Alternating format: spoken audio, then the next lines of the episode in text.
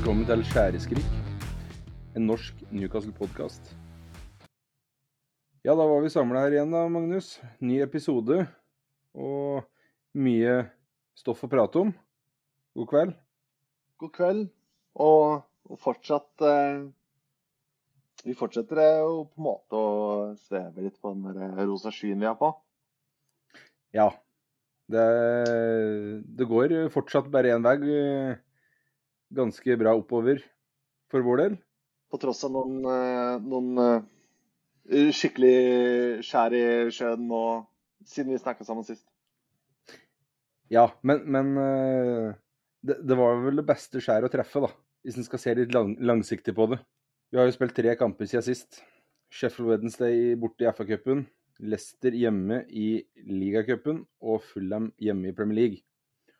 Og når ting går så bra som det gjør for Newcastle, så er det jo greit at uh, noen tradisjoner holdes ved like, og at vi ryker så tidlig som mulig i FA-cupen. Nå stjal du nesten uh, poenget mitt, men det var egentlig det jeg hadde tenkt å si. det at Hvis du først skal gå ut av FA-cupen, ikke skal gå hele veien og ha et langt uh, cupeventyr, så er det like greit å faktisk bare gå ut i, i tredje runde, første muligheter, og slippe den ekstra belastningen og ehm, ja, vi kan jo like så godt eh, starte der. Men jeg syns det også er eh, helt riktig, eh, som vi snakka om i forrige episode, at man starter med disse squad players. Spillere som ikke er en del av den sterkeste elveren i sånne typer kamper. Er ikke de spillerne, er ikke det laget bra nok til å slå ut et League One-lag? Nå er det snakk om et bra League One-lag som jager opprykk på hjemmebane med ingenting å tape mot et Newcastle-lag som senker seg to-tre hakk. Og så møter man med, med bra League One-lag som ø, ø, setter, øker tempoet to-tre hakk. Ja, da møtes man ganske fort, altså. Noe som skjer i, i den kampen der. Hvis ikke, det bra, hvis ikke det laget er bra nok, tydeligvis ikke, til å slå ut uh, sånn motstand, så er det bedre at man rykker ut så er det synd for de spillerne som, som ikke får vist seg videre. Absolutt. Jeg, jeg vil vel kanskje påstå at det laget vi sendte utpå mot Sheffield Wednesday, ville ha Hadde du spilt den kampen ti ganger, og spillerne visste at du skulle spille den kampen ti ganger, så hadde nok Newcastle gått seriene ut eh, i hvert fall over halvparten av noen ganger. Men eh, cup er cup, og Sheffield Wednesday fortjener skryt for eh, måten de gjennomførte kampen på. Bra spilt. Og så kan en jo tenke at det var jo andre Premier League-lag som røk f.eks. mot Stevenage hjemme. Stevenage er et league 2-lag. Så um, heller borte mot Sheffield Wednesday enn hjemme mot Stevenage, f.eks. Helt uh, latterlig morsom måte Aston Villa røyk. Det var jo de som røyk mot uh, Stevenage. Uh, det, der. en helt uh, latterlig måte. Bare søkte opp på, på YouTube. Morsom måte det, de røyk ut på. Og så må jeg bare slenge inn at uh, jeg har sett Steven H. Borrow spille live i eh, England. og Det er jo eh, absolutt noe de fleste bør få med seg. Manager den dagen eh, som jeg så dem live, var faktisk gamle helten Teddy Sheringham. Så fikk vi skvisa henne. Liten fun fact. Nei, men Det er mye gull å få med seg i lavere divisjoner hvis den første er over i, i England. Sheffield Wednesday, uh, FA-cupen, over for i år. Og som sagt, et helhetlig perspektiv så kan man vel kanskje si at det er like greit. Det som ikke er over ennå, er uh, ligacupen. Carabao Cup.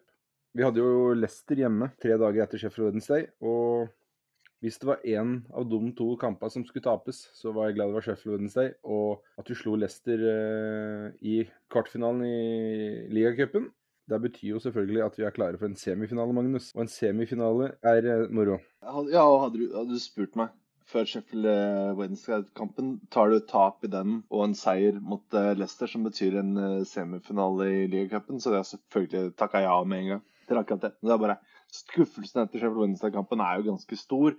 Og du kommer alltid til den der tvilene som er Har vi egentlig vært så gode? Eh, og er det liksom Ja, er det nå det rakner igjen, da, så får du mye av den der følelsen satt med som vi gjorde når vi røyket ut med Cambridge i fjor.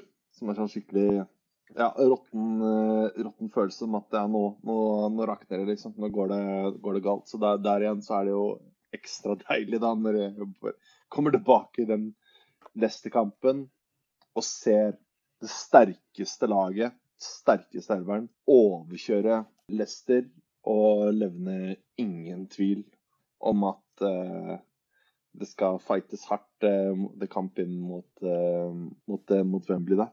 Og så Samtidig så er vi jo ekstremt heldige. Jeg trodde ikke mine øyne, øyne når jeg sitter her hjemme og så ser at Southampton er i ferd med å slå ut Manchester City.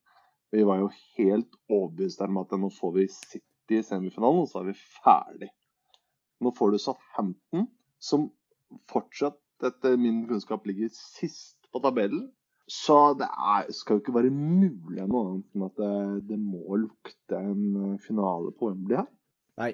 Eh, jeg gikk jo da, som jeg sa i forrige episode, på en liten smell rett før jul og bestilte meg flybilletter og hotell. Heldigvis.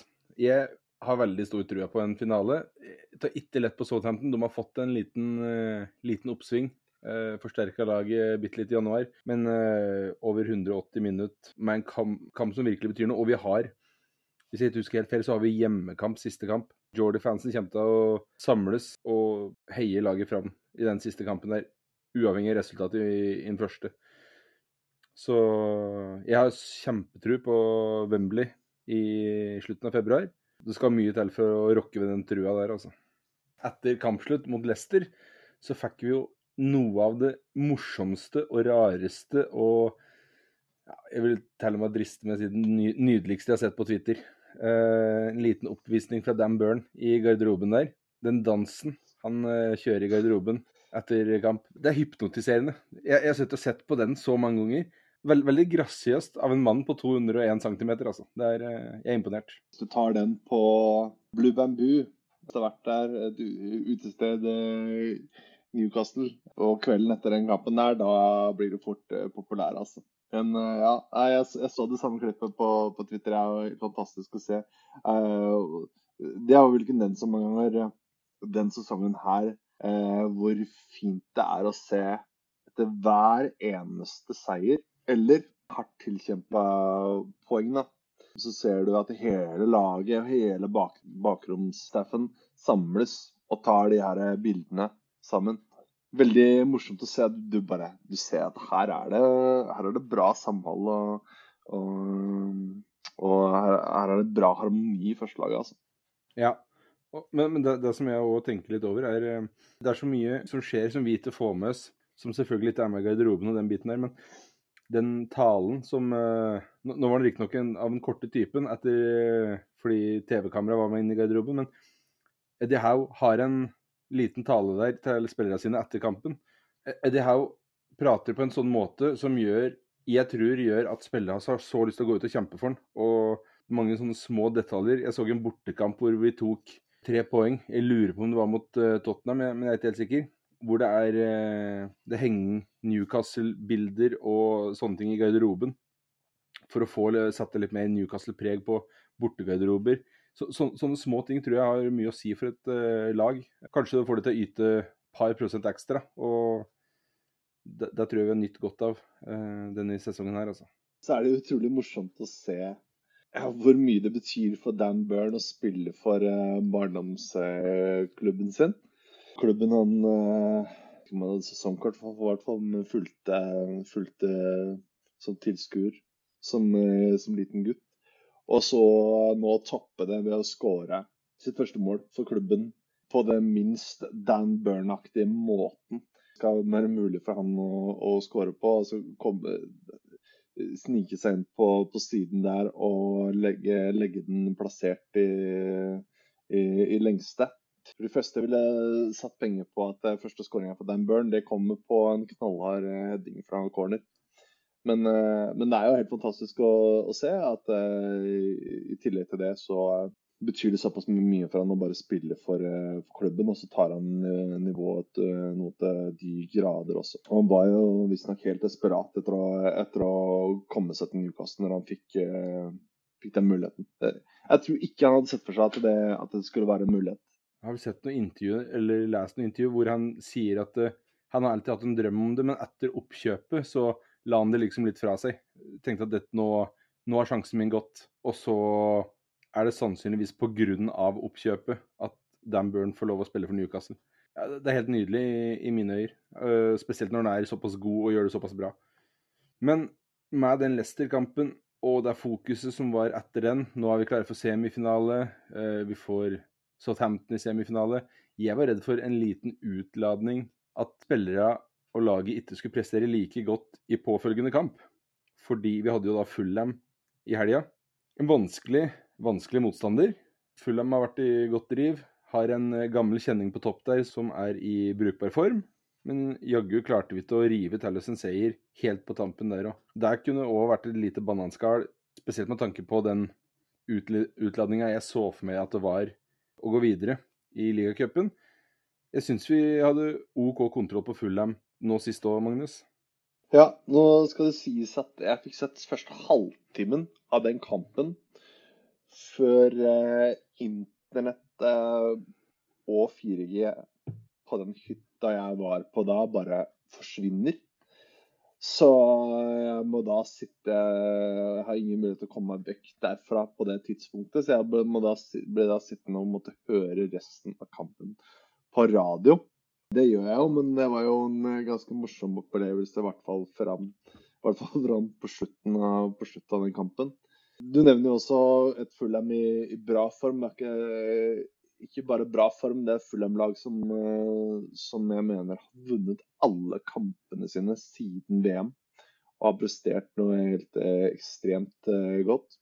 Men så møter jeg da et lag som bare har fullstendig jernlås på, på, Forsvaret. Så det er jo ikke lett da. Men uh, i tillegg Mitrovic viser at han uh, tydeligvis fortsatt har lagt igjen noe av, av, hjertet sitt. Vi kan jo spekulere i om han uh, med vilje der klarer å skyte seg selv i beinet før ballen går i mål. Det er jo på en måte merkelig, han, han velger jo da å løpe av gårde og, og juble etter at den straffa sitter, selv om han vet at han har sparka han i seg selv. Han vet at det blir plukka opp av VAR, han må vite at den kommer til å bli annullert. Ja, men jeg tror det bare er en uh, holdt på å si en naturlig reaksjon. Og i et håp om at Hvis han ikke jubler, så er det jo så, så står han jo der og innrømmer at uh, dette er ikke mål.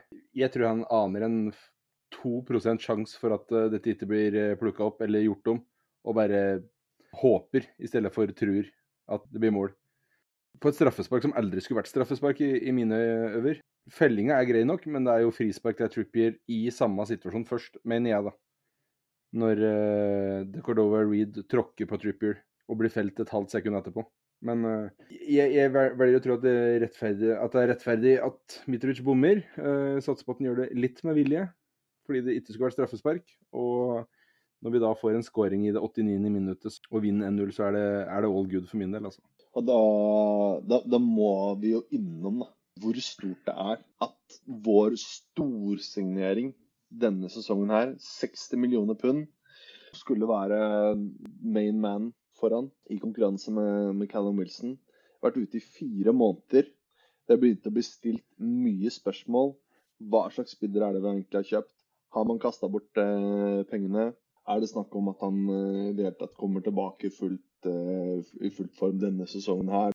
Så kommer han inn, spiller i tospann sammen med, med Callum Wilson. Spiller bra sammen med Callum Wilson. Callum Wilson kom med assisten, så, eh, så Isak bare kan, kan plukke inn eh, skåringa der på, på, overtid rett før, eh, rett før slutt. Det er jo, eh, det er jo sånn det er jo dette drømmer eh, er laget av. Det er jo som skrevet i skyene, eller hva, hva, man, eh, hva man, skal si. Altså Ja, nei, jeg blir nesten tom for, eh, for, ord. Det er jo helt fantastisk for et comeback.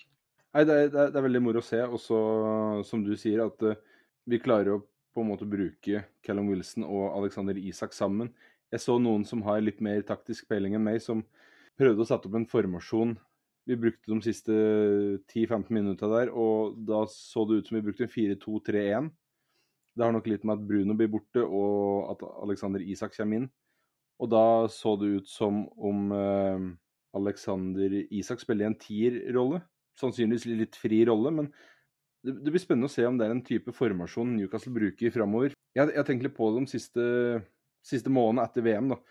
Har, har, Newcastle nok å tilby, eller nok å by på, mot lag som ligger lavt? Eh, vi så det, vi slet mot Leeds. Vi slet mot Bournemouth i ligacupen rett før jul. Jeg har ikke lyst til å stille spørsmålstegn ved how, eh, men, men, samtidig så har det vært et lite sånn spørsmålstegn eh, for min del.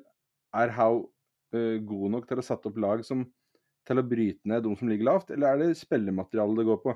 Jeg tror det er sistnevnte, at det er spillematerialet som er litt for lite kreativt til å bryte ned lag som ligger veldig dypt. djupt. Så jeg, jeg, har ikke lyst til å stille spørsmål til ved Eddie Howe. Men når vi da ser på slutten mot Fulham, hvis vi da legger om til en 4-2-3-1, som gir oss litt mer pondus offensivt, da, for å si det på den måten, så er det et styrketegn for min del at uh, vi har flere strenger å spille på. Da. Spesielt at vi kan bruke Alexander Isak og Callum Wilson sammen uten å måtte spille en 4-4-2. Så det blir litt spennende å se hvordan vi gjør det videre. Uh, men, uh, pluss i boka for How for min del der, altså. At du tør å gjøre litt grep og legge om og skape litt mer press mot Fulham-målet på slutten. Det er som du sier, da. Jeg, også, jeg, vil helst, jeg vil helst se Isak og Wilson spille sammen nå. Jeg vil ikke se at en av de spillerne skal, skal tilbake på benken nå, nå framover. Men jeg vil heller ikke se at en av de skal skyves ut på kanten. Fordi vi har spillere som er bedre rusta til å ta med en kantrolle. Men hvis det er mulig å bruke Isak i en sånn type tierrolle, eller om det er mulig, mindre sannsynlig tror jeg, å spille med to reine spisser, så ser jeg jo, ser jeg jo heller det. Men det er kanskje noe av en fordelen med det at Bruno går ut i den kampen. Da. Det er at man tvinges til å legge, legge om eh, taktisk og finne nye muligheter. Og det her kan jo være nøkkel inn nå mot slutten av sesongen. Spesielt hvis du skal miste spillere som Bruno, da. Som jo er det ene negative med som kommer ut av denne kampen her. Han eh, løper rundt der i nesten 25 minutter og nesten bare halvtid. Sjekka eh, oppdatering nå sist før podkasten, og den står jo som no return date. Men sannsynligvis ikke snakk om måneder, men det, snakk, det kan være snakk om uker på Bruno. Og da må man jo begynne å bli litt eh, kreativ igjen.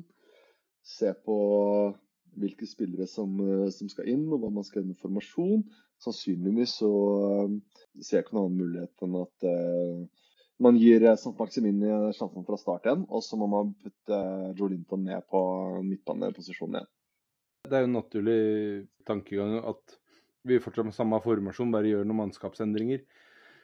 Jeg skal rett og slett spå at Bruno står over eh, mot Pelles til helga, for så å være med i kamptroppen, i hvert fall, mot eh, Southampton neste tirsdag, er det vel, om seks dager. Jeg, jeg, jeg tror Bruno er tilbake til semifinalen i ligacupen, men sannsynligvis står over mot Palace. Litt ut ifra hva jeg har eh, både sett og lest, og han hadde vel hatt en treningsøkt i dag. Uh, uklart hva slags treningsøkt det var, men jeg, jeg, håper at han klarer å gå på den. Og når han spilte såpass lenge som han gjorde etter den skaden, så håper jeg at det ikke er snakk om mange uker. Selv om det var dumt å la han spille så lenge. Nei, jeg har trua på at han uh, er tilbake snart, altså. Vi får håpe du får rett i det, eh, det her, Anders. Du, du, prater på inn mot siste, inn mot avslutning på sesongen og slik, men pga. VM så har vi jo bare spilt 19 kamper. Og da er det litt morsomt å se hvor vi lå etter 19 kamper i fjor, Magnus. Fordi Newcastle har som sagt spilt 19 kamper, og antall seier, uavgjort og tap er identisk med i fjor, hvis du snur det. For i fjor så hadde Newcastle én seier åtte uavgjort og ti tap. I år så har Newcastle ti seire, åtte uavgjort og ett tap, og 27 poeng mer enn i fjor. Og det er, det er veldig populært at Newcastle bruker penger og det ene og det andre. Men uh, Sky har jo lagt ut mange grafer på ditt og datt, og det er helt tydelig at penga ikke er den største årsaken til at vi er der vi er. Eddie Howe får mye skryt, om den får nok, det vet jeg ikke. Fordi det, spillere får veldig mye skryt. Men den jobben Eddie Howe har gjort siste La oss si siste 12-13 måneder, den er eh, formidabel, syns jeg. altså. Vi, vi, vi, nevnte det tidligere. altså Dan Burn på venstreback herjer jo. Skårer mål og deler ut juling. Og Joe Linton har eh, fått en eh, ny vår som uh, indreløper slash kant. Vi har, vi har pratet om det litt før, men statistikken fra 19 kamper i fjor til 19 kamper i år, den mildt sagt sjokkerende for min del, altså. Hvor gode vi har blitt. Ja, nei, det er en helt sinnssyk statistikk. Det er så morsomt å se på. Og eh, jeg hørte en påstand i dag òg at vi nå, da, etter 19 kamper, halvspilt sesong, nå må vi på en måte begynne å nærme oss den eh, ja, hva skal man si, den perioden der det, der det er lov å si at hvis det ikke blir en topp fire-plass nå, så er det OK, selvfølgelig. Men vi begynner å nærme oss eh, det punktet at det ville faktisk være litt skuffende. Hvis så skulle skje, da. Med den muligheten, med det utgangspunktet vi har nå, sesongen vi har hatt fram til nå, så skulle vi få en femte- eller sjetteplass. Så er det selvfølgelig en, fortsatt en bra sesong, men det betyr i så fall at vi får en vesentlig dårligere andre del av sesongen enn første del av sesongen. Og hva er det som tilsier at det skal skje per nå? Og hva er det som tilsier at det, de lagene som nå ligger bak oss, som, som ligger nærmest, og som, som, nå skal ha muligheten til å gå forbi, da, skal kunne klare det? Jeg ser personlig ikke hvordan det tågraset av et Tottenham-lag skal ha nubbesjans på å klare en topp fire-plassering. Og bak, eh, bak, der igjen så har du lag som Brighton, Fulham Og så da snakke om eh, enda nye bak i det. Snakke om eh, lag som Liverpool og Chelsea som har helt off-seasons. Som ikke er i nærheten av hvert fall en topp fire-plass. så for hver kamp som går nå, så er vi jo, kommer vi jo nærmere og nærmere. Og vi kommer nærmere Ja, rett og slett at noe annet enn en topp fire-plass ville blitt en, uh, en, skuffelse. Så må du gjerne korrigere meg hvis du er uenig i det, altså. For min del så kommer det litt an på hva som skjer i ligacupen. Hvis vi vinner ligacupen, så er jeg tilbøyelig til å si at uh, en femte-sjetteplass Det er greit, men ja, En femte-sjetteplass er greit uansett. Uh, men og et ligacupgull og Champions League-plass er jo òg helt nydelig. Men uh, det, er litt for tidlig til at jeg tør å si at jeg blir skuffa over å ikke havne topp fire. Men uh, som du sier, for hver kamp vi går, og for hver seier vi plukker Altså, én ting er at det blir større avstand til stor, noen såkalte storlaga bak oss, men vi, vi sementerer den plassen mer og mer. og jeg sa her tidligere at Liverpool er kanskje den største utfordreren. De ligger da ti poeng bak. Tottenham hadde kun andreomganger telt, så hadde de vel vært høyere opp på lista. Men uh, Conte sliter fryktelig i Tottenham, syns jeg. Så det, det, begynner å bli litt vanskelig å se hvem som skal ta fra oss den fjerdeplassen. Altså. Igjen så tror jeg Newcastle er, Newcastle er sin verste fiende. Det som kan stoppe oss, er skader, tipper jeg. Før vi kommer inn på det med, med skader, så nevner du det her med du skal slenge ut en påstand om at det er eh, mye penger som er brukt, og at det er årsaken til at Newcastle ligger høyt oppe på, på tabellen. Skulle gjerne hatt den statistikken foran meg, men jeg tror det er mange som har sett statistikkene som, eh, som Sky Sports har lagt ut på, på, Twitter også, med oversikt over hvor mye penger som er brukt av de forskjellige respektive klubbene i Premier League denne sesongen her.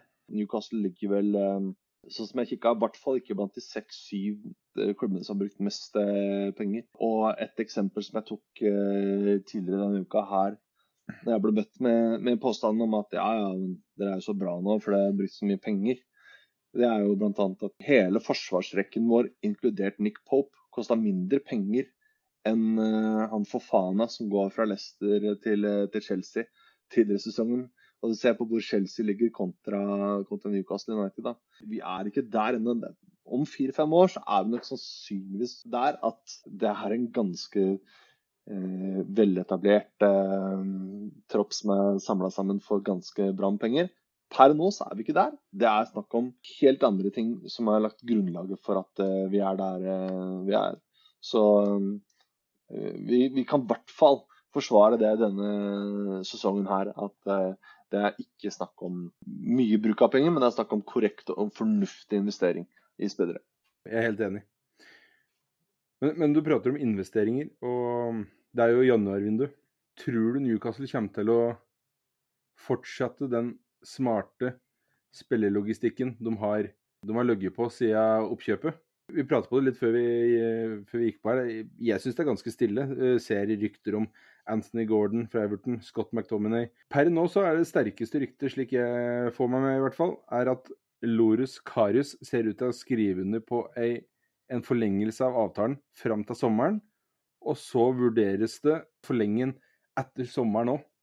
Når det er det mest konkrete ryktet som eh, er ute der, da, da syns jeg det er stille, altså. Ja, men eh, ja, for, å, for, å, svare på det, så er jeg fullstendig overbevist om at man kommer til å fortsette med den eh, fornuftige, litt forsiktige tilnærmingen som man har hatt, som har fungert såpass bra fram til nå.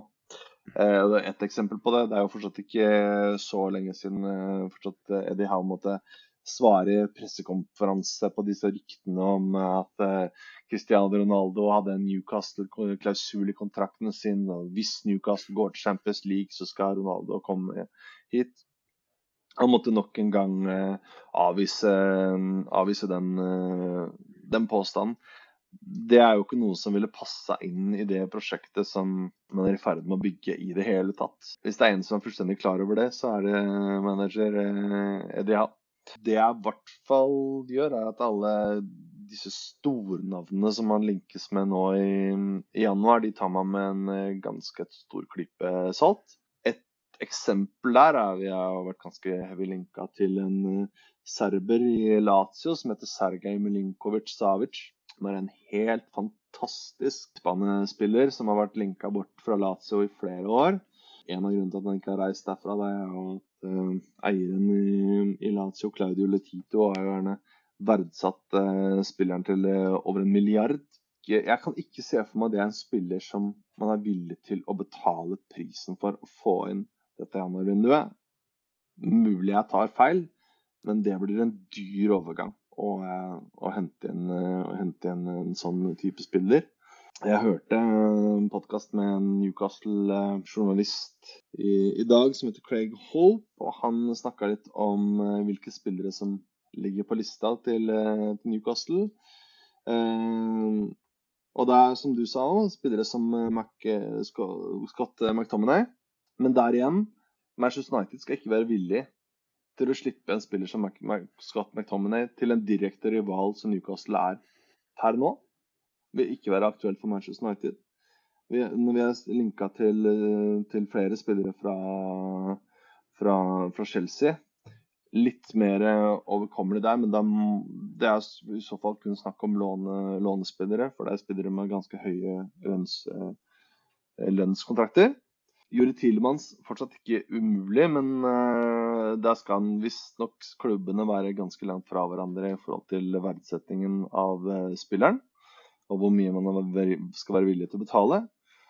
Og um, hvis det er én ting som Craig Hope mente, så var det det at man kommer ikke til å kaste silly money etter store navn um, pga. desperasjon nå i januarvinduer, så skal det hentes inn spillere, så skal det være value for money, da, som man, uh, som man snakket om. Jeg, jeg, håper jo at en type som Tilemanns dukker opp. Uh, jeg er ikke så veldig gira på Scott McTominay. Uh, er, han er en veldig god fotballspiller, men jeg ser ikke helt hva han kan tilby oss som vi ikke har fra før. Han vil styrke bredden i troppen, men jeg ser ikke for meg at Scott McTominay kan gå inn og legger beslag på en førstelagsplass, startelver. Og da vil jeg heller ha en type som Sean Longstaff i backup enn Scott McDominay, i hvert fall. Forrige episode så pratet vi litt om høyrebacken og Ivan Fresneda fra um, Real Valladolid. Ifølge Twitter-rykter så har han fått eh, enda flere interessenter enn han hadde da. Så det er en avtale som kan uh, virke litt vanskelig. Både Arsenal skal være desperat etter å hente den, Dortmund skal være veldig gira på å hente unge spanjol. Så jeg så i dag at eh, Newcastle vurderer å legge inn bud på Malo Gusto fra Lyon. 19 år gammel høyreback. Vi har vært linket til han litt sånn nå og da. Igjen, det er eh, litt sånn løst rykte. Men uh, det, er jo en sånn spiller jeg godt kunne tenke meg at vi hadde, hadde kjøpt hvis den passer, passer de kriteriene som Howe har. En ung, lovende høyreback, god i angrep. Heller det enn Mankio på høyreback framover, tenker jeg i hvert fall. Men uh, jeg prata så vidt på Eller nevnte så vidt uh, Loris Karius. Florian Plettenberg på Twitter. Han uh, har ganske god kjennskap til hva som rører seg blant tyske spillere. Så han har jo sagt at Karius er en done deal fram til sommeren. Og da vil jo det bety at vi må kvitte oss med minst en annen keeper. Martin Dubravka spilte jo Sheffield Wednesday-kampen, og kan da ikke spille for andre klubber enn Manchester United og Newcastle denne sesongen. Så Dubravka blir. Det er helt bankers. Og da er det vel veldig naturlig å tenke at Carl Dalov er på vei ut, da. Jeg så en, noen som skrev Huddersfield, men jeg, jeg har ikke sett noen konkrete rykter der. Så Carl Dalov forsvinner nok ut uh, uten at Jeg, jeg, jeg syns det er litt synd. Liten som personlig favoritt. Uh, men han har jo ikke sjanse til å få noe spilletid i Newcastle, så da er det bedre at han tar et steg ned og får spilletid. Jeg tror nok du har helt rett i at Carl Arlo blir den som forsvinner da, for da blir vel uh, sannsynligvis uh, Glorius Carus enten klart trevalg der, eller så skal han fighte om uh, den reserveplassen med Martin Dubraka. Jeg tror jo personlig at Dubraka er en bedre andrekeeper enn Glorius Carus, Men det er nok de tre da som skal være registrert i førstedagstroppen. Uh, Darlow forsvinner, som du sier, men vi har faktisk enda en keeper på uh, on the books. Mark Lesby. Han er vel ikke registrert inn i troppen engang denne sesongen her. Men uh, det skulle være litt rart at vi skulle ha enda en keeper at det er registrert som vi betaler lønn for, som ikke engang blir, blir registrert. Så skulle det være mulighet for at han også da blir fristilt fra den kontrakten. da. Ja. Vi har jo en spiss som skal være ønska av eh, Nottingham Forest i januar. Chris Wood. Vi prata så vidt om det før vi trykka på spill inn her, men uh, hva, hva, tror du sannsynligheten er for at Chris Wood går til Nottingham Forest i januar, Magnus? Jeg, jeg syns det er litt vanskelig å se for meg at vi kvitter oss med én av tre spisser når skadesituasjonen har vært som den har vært i år, da. Ja, eh, jeg tror også det er ganske lite sannsynlig. Så det er, det er sikkert eh, veldig dumt å sitte og synse på det her. Så, altså, vi har jo null kontroll, så plutselig i morgen så er jo han klar for Forrest. ikke sant? Men uh, ut fra det jeg leser og hører, så er det lite sannsynlighet. Uh, en av grunnene er fordi at Chris Wood vil, ønsker ikke å reise fra, fra Newcastle. Han ønsker å være, være minst ut denne sesongen her for å være en klubb som kan komme til eh, Wembley, som kan ta et cupgull og så kan komme seg til Champions League. Den muligheten får ikke han noen andre steder. Sannsynligvis verken denne sesongen eller eh, i fremtiden. Så han vil være med på det prosjektet som er bygges, blitt bygget her, og han er eh, klar for å Han er klar over at han har tre valg på spissplass der. Men men som du sier òg, det, det, handler også om skade, skadesituasjonen, som er uh, usikker. Uh, det er fort mulig at uh, Callum Wilson forsvinner ut igjen en periode, og da er jo Chris Wood plutselig nærmere spilletid. Eneste grunn til at han blir linka til Nottingham Forest nå, er vel at de fikk vel han enda en spiss ut på, på skaden, og han Taivo Aboyumi, eller hva han heter, som er, som er ute. Men Uh, jeg, tror, jeg, tror, ikke det kommer til å skje. Nei, jeg, jeg vil ikke være så bastant. Ikke at du var så veldig bastant her, men, men uh, jeg, jeg, ser for meg at det er en mulighet for at det skjer. Men da skal Newcastle ha en ny signering, så å si line-up. Newcastle slipper ingen spillere som har en betydning for førstelaget, med mindre det er en erstatter på plass. Det er jeg 100% sikker på. Og Chris Wood har en betydning for førstelaget sjøl om det er tredjevalg. Hvis han går til Forest, så Hvis de ikke allerede har kommet inn en, da forventer jeg inn en uh, ny spiller. Gjerne en kant som kan Som er kjent med å spille på topp, men uh, per nå så ser det ikke så veldig sannsynlig ut, uh, syns jeg. Men, men uh, det er lenge til januar er over. Mye kan skje. Det er et vindu som har en tendens til å by på noen overraskelser. Så av de spillere som har spilt mest denne sesongen, så vil jeg vel tippe Chris Wood uh, kan være den som drar. Ellers så blir det ikke så mange andre, tror jeg. Nei, det man ellers ser som muligheter Altså interesse fra andre klubber. I hvert fall så er det jo snakk om at det har vært interesse rundt Elliot Anderson på, på låneavtaler. Men der igjen så er det veldig lite sannsynlig. Både fordi Eddie Howe har jo sagt at uh, he's not going anywhere. Vi har ikke en bred nok uh, tropp til at vi kan slippe spillere som faktisk kan ha en viktig rolle ut sesongen. I hvert fall med tanke på, på skader. Ryan Frazier linka ut av klubben, men fortsatt en, en spiller som er sterkt skadeutsatt. Og en spiller som vi gjerne vil ha tilgjengelig hvis det er behov for det. Og så til slutt eh, John Joshelvi, som uh, har uh, Det har vært interesse fra andre klubber, men det er igjen lite sannsynlighet at det forsvinner skada spillere ut av klubben. Det er ikke veldig mange klubber som ønsker å hente en, en, en spiller i januar som er skada. Da vil man ha fire spillere som er friske og klare å rette inn på, på laget. Så jeg ser ikke så veldig mange andre muligheter. Nei, men, men, det som er litt interessant med Shelby, er jo han skal visstnok ha en klausul i kontrakta si som Hvis han spiller tre kamper til for Newcastle i år, så vil kontrakta hans forlenges med et år. Hvis det stemmer, så vil det være interessant hva som skjer hvis det kommer et bud fra noen andre engelske klubber. Er Newcastle interessert i å ta selge Shelby for en liten sum i januar, og så heller kjøpe inn en erstatter som vi håper kan gjøre en bedre jobb, eller har vi lyst til å beholde Jeg, tror Shelby er en viktig spiller i garderoben nå. Så det, det, er mange hensyn som må tas, sjøl om kontrakten går ut i sommer og det selvfølgelig er siste muligheten til å få noe penger for den. Det, det, det er mange faktorer som spiller inn, ikke kun kontraktstatus og, og hvor mye de spiller. Men vi, vi pratet så vidt om skader. Vi var inne på temaet. John Joe Shelby er jo skada. Eh, har vel hatt noen uker på sidelinja enda. Bruno gikk haltende av mot Fulham. Og vi har fått et lytterspørsmål når det gjelder det med skader, Magnus. Arve Hellum han spør oss om det har vært endringer, utskiftninger, i det medisinske apparatet etter eierskiftet, eller Eddie Howe kom inn. Mener det er færre muskelskader nå enn tidligere. Finnes det statistikk som bekrefter, avkrefter dette? Og vi har lett litt etter statistikk, men, men det er ikke så veldig lett å finne. Noe har vi på skader, eh, medisinsk apparat.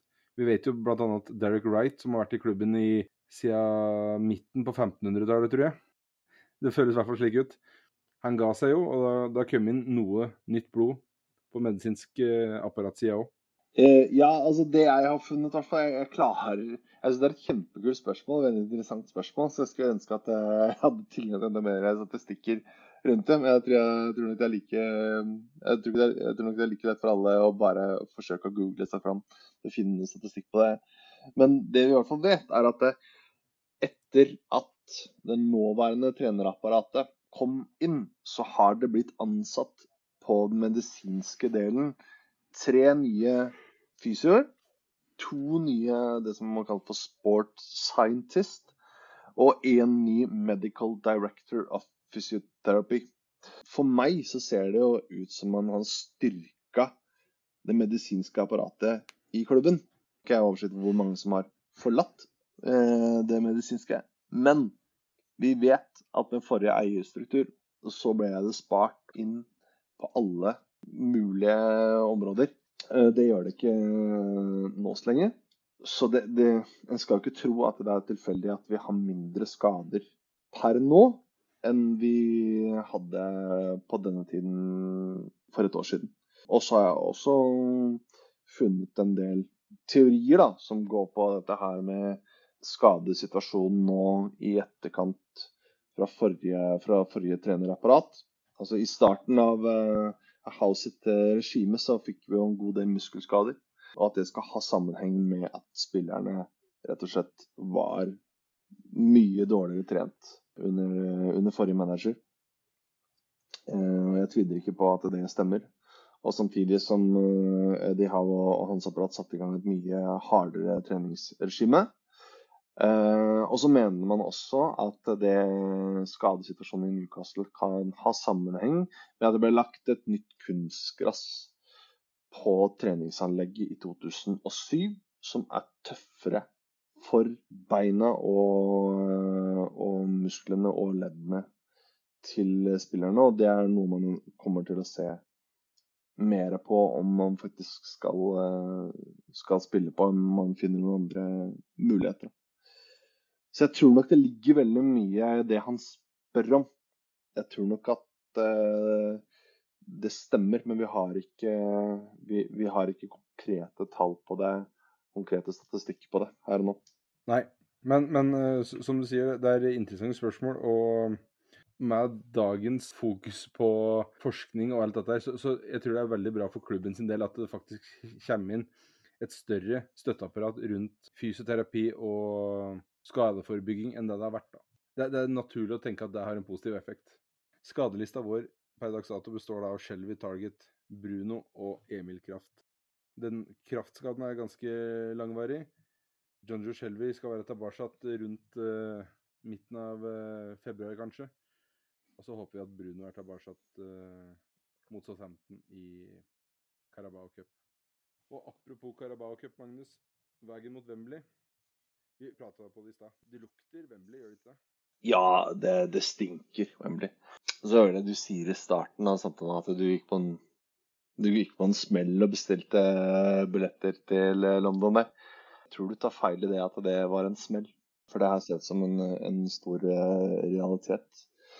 Men, men, jeg har nevnt det for deg tidligere. Jeg har ikke snakka om det her på men jeg har nevnt det på det tidligere vi snakka utenom om, eh, om du kunne tenke deg selskap da, i London. Ja. Jeg jobber med saken her hjemme. Jeg har ikke fått helt gjennomslag ennå. Men uh, min kone hører ikke på denne podkasten, så jeg kan jo liksom nevne det her. At jeg med, med, ganske stor samvittighet Nei, sannsynlighet. Og samvittigheten får vi se hvordan det blir med, men med stor sannsynlighet hvis vi ligger veldig bra an etter den første kampen mot Southampton, jeg må, jeg må, nesten vite at, vi, at det blir Wembley, så kommer jeg til å gjøre et forsøk på, på å komme meg ned. Og, altså, jeg kan ikke annet enn det. Reiser vi ned begge to, så skal, må, så skal vi iallfall gjøre et uh, helhjertet forsøk på å få tak i uh, billetter. Jeg skal dra i de snorer jeg har og de kontakter jeg har, og gjøre et uh, forsøk. Og blir det ikke billetter heller, blir det bare finale, så må, må det være en fantastisk opplevelse å få være på plass på Wembley. Være på pub med, med, med Jordis og synge sanger og uh, oppleve livet. Og i verste fall så må man sitte og se på kampen på en pub uh, i London sammenheng med gærne Jordis. Og det tar jeg any day of the week. Ja, samme her. Mye bedre enn å sitte hjemme og fyre i peisen og se på, se på Viaplay, altså. Heller uh, i London med Jordis og den uh, finalestemninga der, uten tvil. Så hvis du hadde fått det, det hadde vært, eh, det hadde vært magisk. Ja, men vi, vi, gjør et forsøk på det nå. Vi prøver, vi prøver på det nå. Glimrende. For jeg håper igjen at min kone ikke hører på podkasten. Skal jeg redigere det bort? Eh... Nei, ja. Vi har pratet om kamper som kommer fremover, men det er litt spennende å se mot Selvfølgelig, for de fleste så er Southampton-kamper som kommer kommende tirsdag og påfølgende tirsdag, er det vel, hvis jeg ikke husker helt feil. Uten kamp imellom. Det er positivt. Men vi har en Premier League-kamp til helga mot Crystal Palace. Vi, vi kan ikke nedprioritere den her, selv om det kommer en semifinale tre dager etterpå, Magnus? Nei, altså jeg er fullstendig overbevist om at vi, eh, vi stiller uh, det sterkeste laget i uh, de kampene vi trenger det. Så um, jeg er helt overbevist om at vi stiller det sterkeste laget nå til lørdag mot uh, Palace, og at vi spiller uh, det sterkeste laget i i hvert fall første, første semifinalen mot Southampton. Så er det jo helt avhengig av hvordan, hvordan den kampen går. Muligens med noen skifter her og der, men ikke, ikke de store endringene. Men sam, samtidig så er jo den, den Palace-kampen det er en kamp som vi gjerne tar en seier i. Men det er også akkurat nå det er en kamp som man faktisk har råd til å skal ikke tape, men det er en kamp vi har råd til å komme ut av med ett eh, poeng. Det ville ikke vært en, en veldig stor nedtur eller en krise hvis vi kommer unna med et uavgjort resultat der. Palace har jo kamp mens vi sitter og spiller inn denne her, mot Manchester United. Ligger under 1-0 akkurat nå. Og det er jo en faktor som, eh, som spiller inn. De har da midtukekamp, og så kommer det Premier League-kamp at seint lørdag. Mens eh, vi forhåpentligvis har ligget lada batterier og fokusert 100% på ei uke på den kampen. Ønsker selvfølgelig seier, men det er som du sier, får vi, får vi et poeng og ingen skader, så er det, er det en godkjent, eh, i hvert fall sånn med dagens utgangspunkt der, tenker jeg. Ja, og så skal vi være klar over at det Palace-laget der, det er jo ikke et lag som er uh, eh, sikra mot nedrykk, i hvert fall. Selv om uh, det er et lag som ligger uh, forholdsvis greit plassert nå på en, uh, på en tolvteplass, så er det ikke det er ikke et hav av forskjell med før Palace er en av de lagene som kan bli blanda inn i nedrykkstriden der. Så de også vil nok fokusere på å få med seg poeng i de kampene som, som det er mulig å få med seg poeng mot. Og spørs det hva det skal ha å si. De vil jo eh, klart de vil gå inn for eh, at det skal være mulig å, å, slå, å slå, oss. Men uh, når Patrick Vieira også vil uh, tatt deg i hånda her og nå hvis du hadde tilbudt en, en uavgjort resultat på, på forhånd? Lukter litt 0-0-kamp. Nå, skal jeg ikke legge for, for mange griller i huet på noen som skal tippe resultatet i konkurransen vår selv. Nei, det blir, eh, det blir, spennende å se med, mot helga, og ikke minst til uka, hva som eh, hva framtida vil by på. Eh, jeg kjenner jeg gleder meg veldig til Southampton-kamper, som kommer ganske tett på her. Jeg, jeg håper jo nesten med alt jeg har, at vi går videre der, og at det blir en finale. Ikke kun fordi jeg har bestilt meg tur til, til London, men rett og slett fordi en finale og Newcastle det er såpass lenge siden sist at det hadde vært fryktelig deilig om vi hadde spilt finale i slutten av februar, altså. Da har jeg faktisk, når jeg kommer på det nå, da har jeg faktisk sneket inn en liten, liten quiz til deg, Dag. Og det var uh, enkelt og greit som det jeg vite sist uh, vi faktisk spilte en, uh, en semifinale. hvem vi spilte mot, og hvem som var eh, manager for Newcastle United sist, sist dette skjedde. Semifinale eh, Tenker du da hvilken som helst cup? Altså det er ikke Ja. Ja da. Det er, ja, ja. Det er ikke Jeg kan røpe såpass mye. Det er, det er, ikke, snakk, det er ikke snakk om ligacupen. Nei, jeg, jeg driver og lurer, lurer litt hvor langt var det vi kom i hvor langt var det vi kom i Uefa-cupen i 2004 2005? Nei, 2004. Jeg vet hva du tenker på, men vi kom ikke lenger enn kvartfinale. Det var ikke kvartfinale. Marseille, vi røk mot der. Nei, Nei, da, da, melder jeg pass. Ja. Nei, det, sist, sist vi var i en uh, semifinale, var i 2005, faktisk. I FA-cupen. Og da um, møtte vi Manchester United og gikk på en, uh, et 4-1 uh, 4-1-smell. Og da var det jo selvfølgelig i 2005 så var det jo Green Sunes som var Newcastle-trener. Ikke, en av, eh, ikke en av alles eh, store, store eh, favoritter. Men jeg så at han, han, han skriver jo en artikkel for tror jeg Daily Mail der han var veldig flink til å påpeke det at han var manager sist Newcastle var i en semifinale. da. Og sa at eh, han hadde, hadde fått eh, noe i sin periode der. Ja. Det blir, det blir, det blir lite med trofeer til å tape semifinaler, men eh, det er greit. Han skal, han skal få den. Ja, vi, vi, har jo hatt et lytterspørsmål, Magnus. Um, per Øyvind Nordberg han spør jo Hadde Botman blitt hauset opp som nye van Dijk om han hadde spilt for eksempel spilt for f.eks. Liverpool? Får Howe og Forsvaret for lite kred for prestasjonen de gjør. Eh, elleve mål imot på en halv sesong er jo helt enormt. Jeg har lyst til å bare skyte inn der at uh, i Norge så virker det å være en Jeg, har ikke lyst til å si en kampanje mot Newcastle, det blir litt for konspiratorisk for min del. Men, men uh, Newcastle får veldig lite kred og oppmerksomhet i, i norsk media. Mens blant engelske, i hvert fall Sky Sport, så de, de er flinke til å dra fram litt statistikk på Newcastle på hvor bra Newcastle gjør det, og deriblant den defensive statistikken. Når det gjelder Botman, så tror jeg Botman hadde fått mer skryt hvis han hadde spilt for en med gåseøyne bedre klubb. En større klubb. Der er jeg enig med Per Øyvind i at han hadde blitt haussa opp som f.eks. nye van Dijk, hvis han hadde spilt i en av de største klubba, som de liker å kalles topp seks. Vet ikke hva slags synspunkter du har på den saken?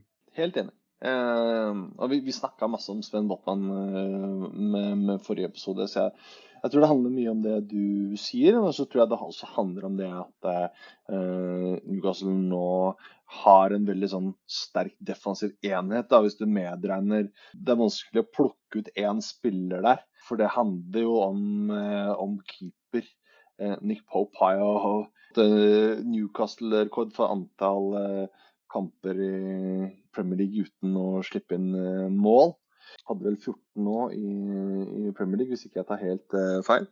Uten å slippe inn mål. Og så regner du den enheten, den defensive fireren foran der. Så er det vanskelig å plukke ut en, måte, en spiller og si at, at det er den spilleren sin, sin fortjeneste. da. Jeg tror det handler litt om, om det også. Men uh, fullstendig overbevist om, i hvert fall i norske media, at han uh, ville fått mye mer kred om, om han hadde spilt for en, en av de klassisk store klubbene. Og så kan det vel kanskje ha noe med det at han ikke ble tatt ut til å spille, spille VM, f.eks. Så han fikk ikke det at fokuset retta mot seg der ble oppdaga sånn sett der, da. Men uh, for vår del så gjør, gjør det ingenting. Uh, så lenge han leverer på banen, så har jeg egentlig ikke så veldig mye betydning for min del hva media skriver, eller hvem som hauses opp her eller der. Så jeg er mer interessert i å se på at det leveres på det sportslige og det leveres på, på banen. Og så hva, hva norsk media eller sportspresse skulle skrive om det, det interesserer meg heller, heller mindre. Og så når vi prater på Du, prater, du nevner defensiv enhet, og Per Øyvind nevner eh, Sven Botman. Så en liten sånn unsung hero som ikke får så mye oppmerksomhet, føler jeg. Litt mer i det siste, men det er Fabian Skjær. Jeg skal ikke si så mye om han, men uh, sammen med Sven Botman og de to backa som spiller der, jeg er dyktig imponert over uh, Fabian Skjær og hva han har vist uh, så langt i sesongen. Og han er ekstremt viktig for oss. begynner å bli gammel. Men det blir veldig interessant å se hvem Newcastle på sikt ser for seg skal ta over for Fabian Skjær. For han har kvaliteter som vi nyter godt av, og en fighter uten, uten sidestykke som midtstopper, i hvert fall. Men da ser jeg på klokka, Magnus, og det er vel på tide å runde av. Jeg skal bare skyte inn Jeg skrev jo da når vi la ut tweet om innspilling, at Keith Downey var det vel som hadde lagt ut at Sam Maximin kunne være på vei bort. Der var det jeg som hadde gått i snøret og bite på en gammel, uh, gammel sitat fra Keith Downey, så den skal jeg ta på min kappe. Derfor har vi ikke nevnt det temaet så nøye i denne episoden. Vi Jeg tror jeg prater for uh, samtlige i Skjæreskrik når jeg håper at Sam Maximin blir i hvert fall ut sesongen tror vi legger hodet på blokka her eh, begge to i Skjæreskrik og sier at Sam San Maximin blir Newcastle minst ut denne sesongen. Og han kommer til å få en viktig rolle å spille ut, ut andre halvparten av sesongen også. Det føler jeg meg ganske sikker på. Men da er det bare å si takk for i dag og Who were the lads? Who were the lads?